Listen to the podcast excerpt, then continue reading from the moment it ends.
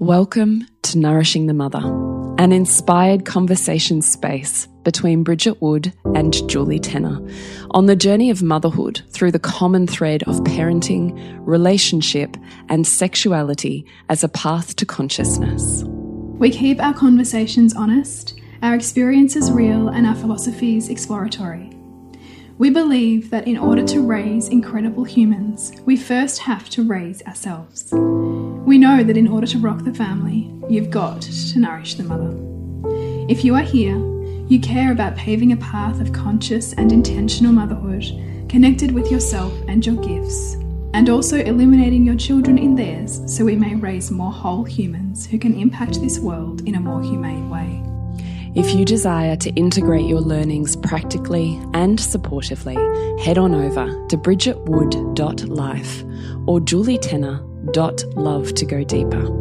And for all live streamed, pre release podcasts and all our free content, head over to our free Facebook group, Nourishing the Mother with Bridget Wood and Julie Tenner.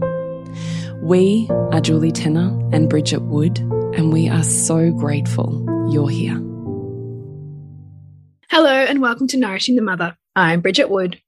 And I'm Julie Tenner. And today's podcast is Navigating a COVID Christmas which we all are. And it's been a super different year for everybody. And I imagine a super different Christmas as we all navigate family tensions, whether family can travel, whether we can travel, whether we want to, whether they want to, what we're doing with people who are feeling most vulnerable and afraid, how we're navigating the whole concept of, of a COVID Christmas and just really making sure that we have ourselves first and foremost. So that's where we'd like to take the conversation in yeah. this podcast.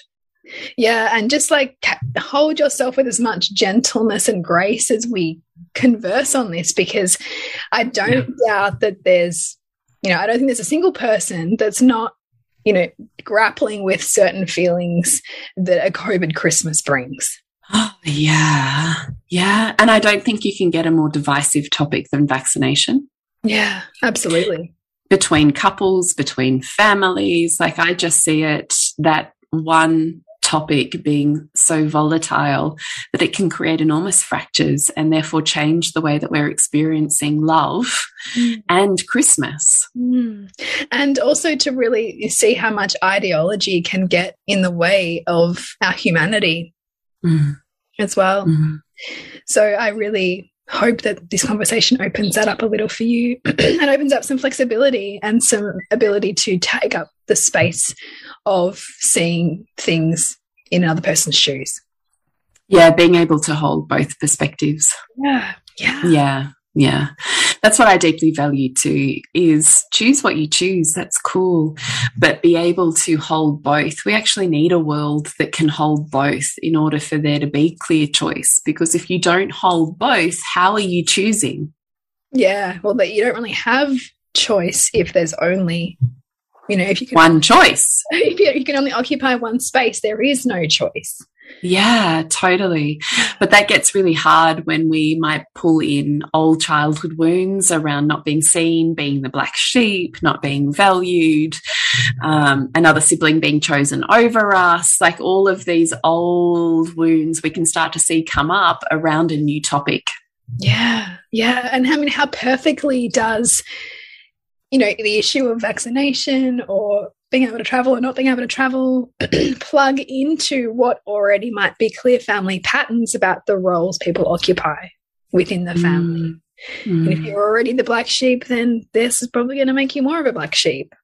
And you might be reined in. And how are you? Can you be okay with that? And can you, you know, allow the diversity of opinions and values and experience to exist without needing to desire to change someone else or sit in this place of reaction and self-protection.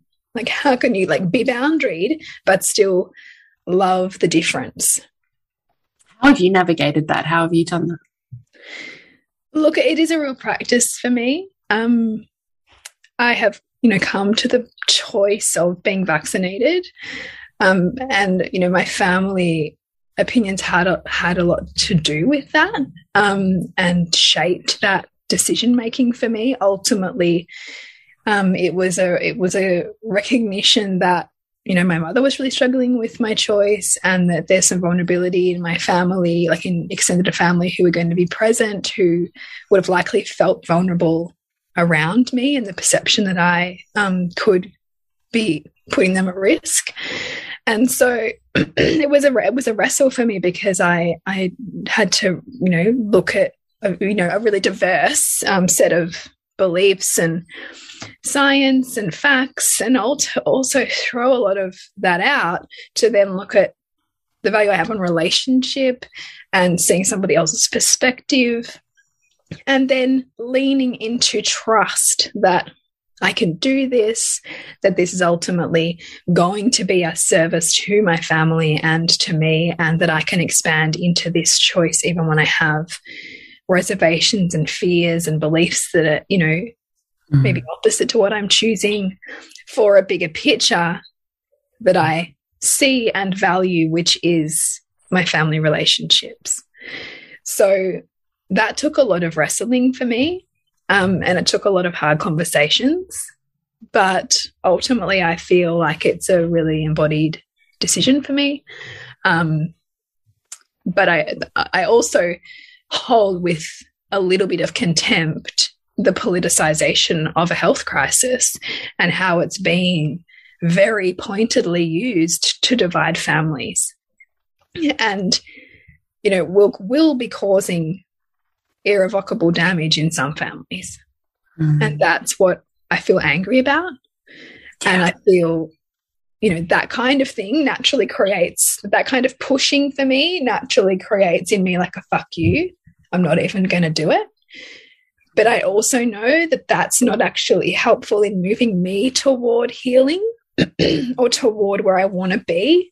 And so it's like that wrestle that I have to make internally, recognizing that um, and then figuring out well within the within the limitations that we're living in particularly in melbourne where we have probably the most strictest laws in the world i think right now mm-hmm. around this is to find a way to have freedom within the constraints that we're living in and to find um, heart in it all even when i feel like there are some pretty heartless uh, tactics being used and social mm. engineering being clearly harnessed as a way to, you know, descend people into this emotionality and intense guilt tripping and coercion that, you know, is really dictating a lot of behaviors at the mm. moment. So that's kind of where I where I am with it. Um, and I can I can feel like it's the right decision for me. Mm. But I also really hold with a lot of respect those who are unable to make that decision or don't want to make that decision. And also those who don't understand why it's so um, hard for someone to make a decision. Because there's also those people who are like, no big deal, just get it. It's fine. And then there's others who are, you know, have really big problems with it and have quit their jobs and have, you know, been ostracized from their families and for them, that's their truth. And I, I really hope that we can all spend a little bit of time um, arresting our own judgment to understand how somebody may come to the view that they have and mm. it not necessarily be from them being radicalized or be because they're just a sheep but instead be because of their lived experience and their lens and their knowledge and their you know truth their soul's journey as well that takes them to where they are right now I hold I hold reverence for it all. Gosh, that was so well said. I just really want to say that was really beautiful. So, how do you hold yourself in all of those degrees of tension as you navigate towards sharing a literal room with potentially all of those representations? Yeah, that's big, right? Well, I think it's also, it's first of all noticing what you're likely to take in or what you're likely to perceive people are judging you for. Because whenever we perceive somebody else judging us, it's just us judging ourselves and they shine a light on where our self judgment is right now. So to know where you're doing that already, you can learn that quickly when you think all these people out there are talking about you or that person saying that thing or this person's going to judge that about me where are you doing that? and who who are you putting in those positions around you and ask mm. yourself is it really them or is it me afraid of their judgment because i'm already judging myself mm. and what do i need to do or shift within me to be more accepting of the choices i've made who i've decided that i am right now what's meaningful to me what can i do right now to be in greater appreciation of of how I've arrived here. And, and if I am deep in judgment, then how is that a feedback trying to get me into a different choice or action? Mm. Because sometimes that outer judgment comes up as a way for us to shift gears, you know, to be the thing that pushes us where we're wanting to go, but haven't given ourselves permission to yet. Yeah, gosh so much. And with the, let's just navigate the conversation to creating um, a Christmas because it's often what are you going to bring? What do you want to do? How are we going to do it? What would you say to people who are navigating how we're pulling together family to create a cohesive collective experience? Mm. That's an interesting one because if you're the one who's pulling people together, you're likely also the one who's going to be sensitive to different people's needs, to potentially the vulnerabilities, as well as like, you know, the maybe polarizations that are going to be at play.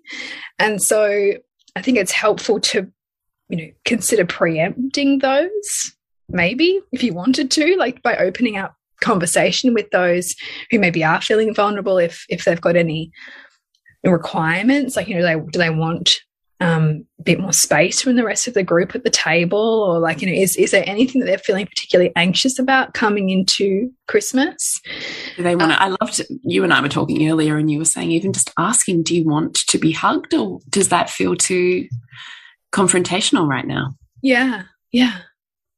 And you know, considering for those of you who perhaps aren't vaccinated and you're worried about these conversations, to lean into how can we feel into that person's experience without taking it as an attack mm. as well, because it can very, it can very viscerally feel like an attack because that's also the way the media is kind of spinning it as well. So even though it's a person to hmm. person conversation or inquiry, that plugs into the broader media rhetoric that then hmm. can throw our body into fight or flight because we're aware of that out there.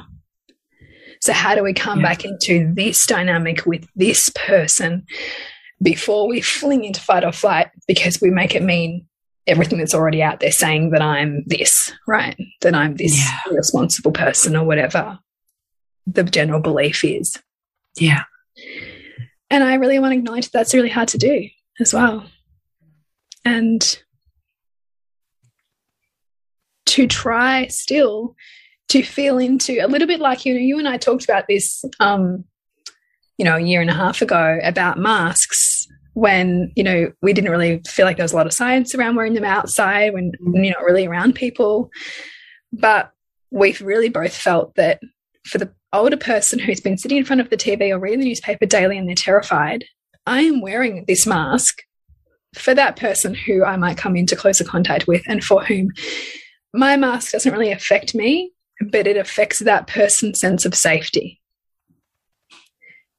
Mm-hmm. How is my choice here and to entering this environment uh, potentially mm. affecting that person's sense of safety you know whether they're they are immunocompromised or you know or whatever it might be that might put them in a vulnerable place how can i kind of you know reach out with the olive branch mm. and recognize how i could make that a little bit more comfortable for them mm. and i'm not saying that, that necessarily means that you need to not go or go get vaccinated or whatever. I'm not saying any of that, but simply just spend a little bit of time feeling into how they might feel because they've they're not seeing things with the lens that you're seeing things with. And so how can you spend some time seeing it from their perspective and then adjusting how perhaps you enter that space mm. as a result? It's really hard work to do though, isn't it? Yeah. And so this is also, also why this is why everybody's going, well, fuck this Christmas. like, yeah, yeah, let's exit it instead. Let's exit. right? Because it is hard. It's socially awkward potentially for some. Yeah, it totally is. And it really, what you're asking or what we're suggesting you do there really has involved in it managing your own emotional state, projections, past wounds, yeah. at the same time as managing fear, which is hugely present, particularly if you're consuming any media. Yeah, that's right. Absolutely. And you know, we've got on top of this like the the awkwardness of like the fact that at any point any of us could test covid positive and go into self isolation and miss christmas and miss christmas mm. and so then there's that that dance of like what's my responsibility to those I've been in contact with? And like how far do I expect them to go? And like so there is just this real like you don't know who you want to talk to or you know what people's boundaries are. Because there is this undercurrent of fear. There's fear of getting the virus and getting really sick. And there's fear of you know getting the vaccine and being injured or fear of being getting in trouble for the government from taking a wrong step. Like it, it's it's tricky. It's it's you know uncharted territory, and in that there's uncertainty. And so I think we need to acknowledge like that that can be hard to be in that space, and therefore, what do we need to be able to navigate it? Totally. Just a brief pause of this week's podcast to let you know that if you would love to connect more deeply with me and conscious parenting, then please jump into Reimagining Motherhood community. You can find out more about that at bridgetwood.life. And if you'd love to dive a little bit deeper with me, Honey Club is your place for fem relationship and embodiment practice. And you can find out more at julietenner.love. What do you need to be able to navigate that? A lot of uh, what we talked about last week, which was centering onto my own values. And so a couple of those things that, you know, that were weaved in was connection. So connecting to myself and my values, and then also acceptance how can I accept mm. that other person's reality without needing to change it or challenge it? Wow. right? Dharma path. Yeah. Yeah. Acceptance. Yeah. I mean, like super hard, but that's the road to freedom. Yeah, it is. Thanks, Buddha. I'm not saying it's easy. no, I'm not saying you are either, but I'm no. just like, yeah, Totally right. It's, I mean, it's, it's entire philosophical and spiritual underpinning on that one sentence. Yeah. yeah. Right. And then also, maybe, I mean, who knows what role each soul has to play in all of this? Like, the vaccine plays a great role right now. And then yeah. so do the people who are resisting it. Yeah. Because every. We need it. We need it all. Everything requires two sides, and every mm. war had its pacifists you know, it had its patriots, it had every part to be played, and mm. don't think for a second that your part is not worthy, even if there's people who'll tell you it's not, right? Mm. Yeah. You're worthy. Yeah. Your your your truth is worthy. Mm. But I would also say, as you and I have said before on this topic, read widely. Like, consider that you know, are you feeding one particular narrative? And I say that to the person who reads mainstream media and the person who reads alternative media. Yeah. Anyone like, is anyone, dangerous. We need both. You need both. And so when you find yourself going too far, like super pro, and you can't understand somebody who wouldn't take the vaccine, go and spend some time reading some of the journals that they've read and reading some of the uncertainty from scientists that they've read. Yeah. And then go, oh, maybe I could see how they might be resistant. And then if you're the person who's read all of those journals or followed all those Instagram accounts, then look at SBS World News. Or I really love actually what helped me was um, FLCC, the COVID network. Um, it's a bunch of doctors treating COVID on the front lines. And it's a really good resource for treating it. And kind of alternative in that they use ivermectin, but they talk about the role vaccination plays. And that was really helpful for me. So I think it's like mm. where you read typically one side, go and challenge yourself mm. beyond your own cognitive dissonance to read the other side. Yeah, definitely. And, and accept that there's players on every which way you look at it. Like there's, there's, it's a politi it's politicized now. Finding the truth, you know, the li lies can do do laps the world over before the truth really gets heard. Mm. How will we ever really know? So, what are your values? What's most important to you? When all this is over, how do you want to have said that you showed up? And follow that. It's such profoundly beautiful advice. Thanks. Do you want to be mm. right or do you want to be loved and love? Mm. You know? Mm. So yeah. those are my thoughts on the COVID Christmas. I think the last thing that I really wanted to just touch on was grief. Yeah. Was that for many of us, even if we feel um, a sense of embodiment or righteous in the choice that we're making to be with or not be with our family, that there may be grief present there for us at the same time. Yeah. Or in place of. Yeah. And my invitation to you would be to be with the grief before it spins into repressed grief becomes resentment. Yeah. Yeah. Yeah. To actually feel that and, and like don't with the grief. push it down. Yeah. Because when you push it down and don't address it, it becomes resentment. Yeah. Be with the grief. Which, which colors the relationships. Doesn't it? Yeah. And and literally can be life altering versus this one moment in time. Yeah, absolutely. So be with the grief of what it's not and mm. be with the grief of what it is. Yeah and be with the grief of not being able to do what you want, how you want to, not being able to see family or to travel to family or whatever mm. your version of grief is. Mm. I think in a time and a season of festivity, we must always hold a polarity. Or yeah. else we become unstabilized and we come crashing at the other side yeah. of that day. Yeah, it's true. So, to avoid a big plummet, stabilize yourself by having space for both and be with your grief. Mm. And if that feels hard, then I'm just asking you to contemplate if I don't create the space to be with this, it can be more destructive when it turns into resentment that fires out. Yeah. Yeah. That's a beautiful invitation. So I just, you know, you, I, I just share just briefly like what it would look like for you to be with your grief what it looks like to be with my grief is to first off not make it mean anything. Mm. So, not make it mean I'm sad, I'm depressed, I'm fucked up, this is fucked up, whatever. Like just removing all attachments. It doesn't mean this is shit, what's going to happen is shit. It's just this is hard and this is what I'm grieving and mm. need to have seen and let go. I'm mm. sad about this. Mm. And it is okay to be sad about these things. And it's okay to move that energy through. It doesn't have to mean anything. It doesn't have to mean you're ungrateful or you're not mm. going to have a great time or that it's not exactly as it needs to be. Mm. It doesn't have to mean anything. It's just an energy that you don't want stuck. Yeah, I love the way like just actually like a you know surrendering the need to judge or label it or kind of give it meaning and instead allow it to move through you.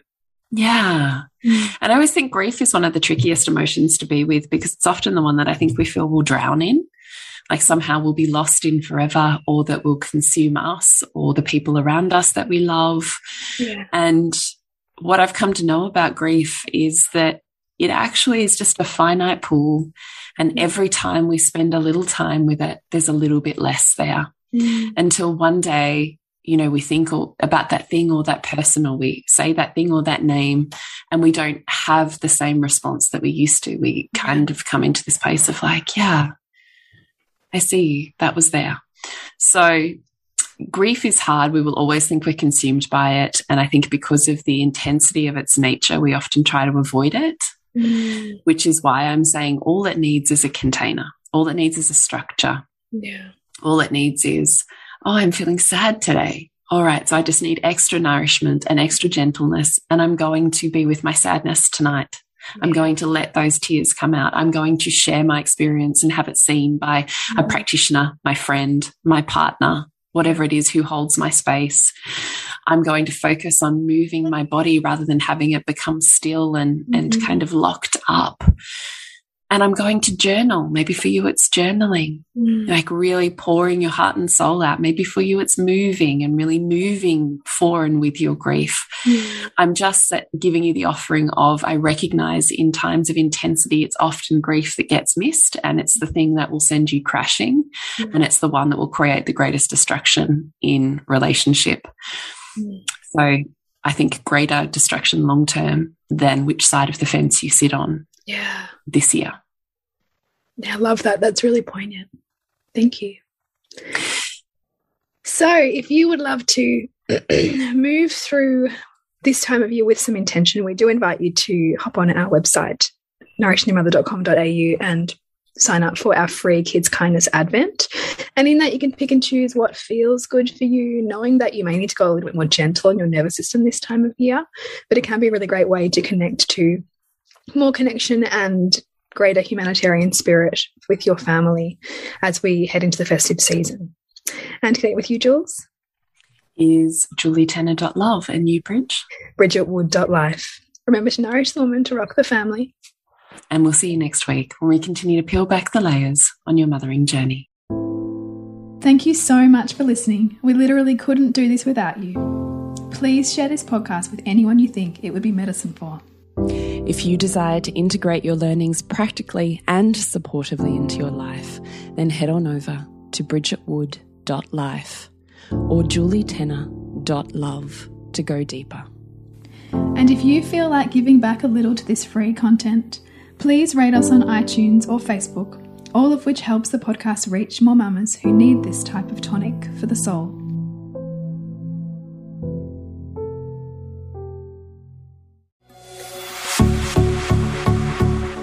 This has been a production of TheWellnessCouch.com. Check us out on Facebook and join in the conversation on Facebook.com forward slash The Wellness Couch. Subscribe to each show on iTunes and check us out on Twitter. The Wellness Couch, streaming wellness into your lives. Whilst the Wellness Couch presenter endeavor to provide accurate and helpful information to their listeners, these podcasts cannot take into account individual circumstances and are not intended to be a substitute for health and medical advice from a qualified health professional. You should always seek the advice of a qualified health professional before acting on any of the information provided by any of the Wellness Couch podcasts.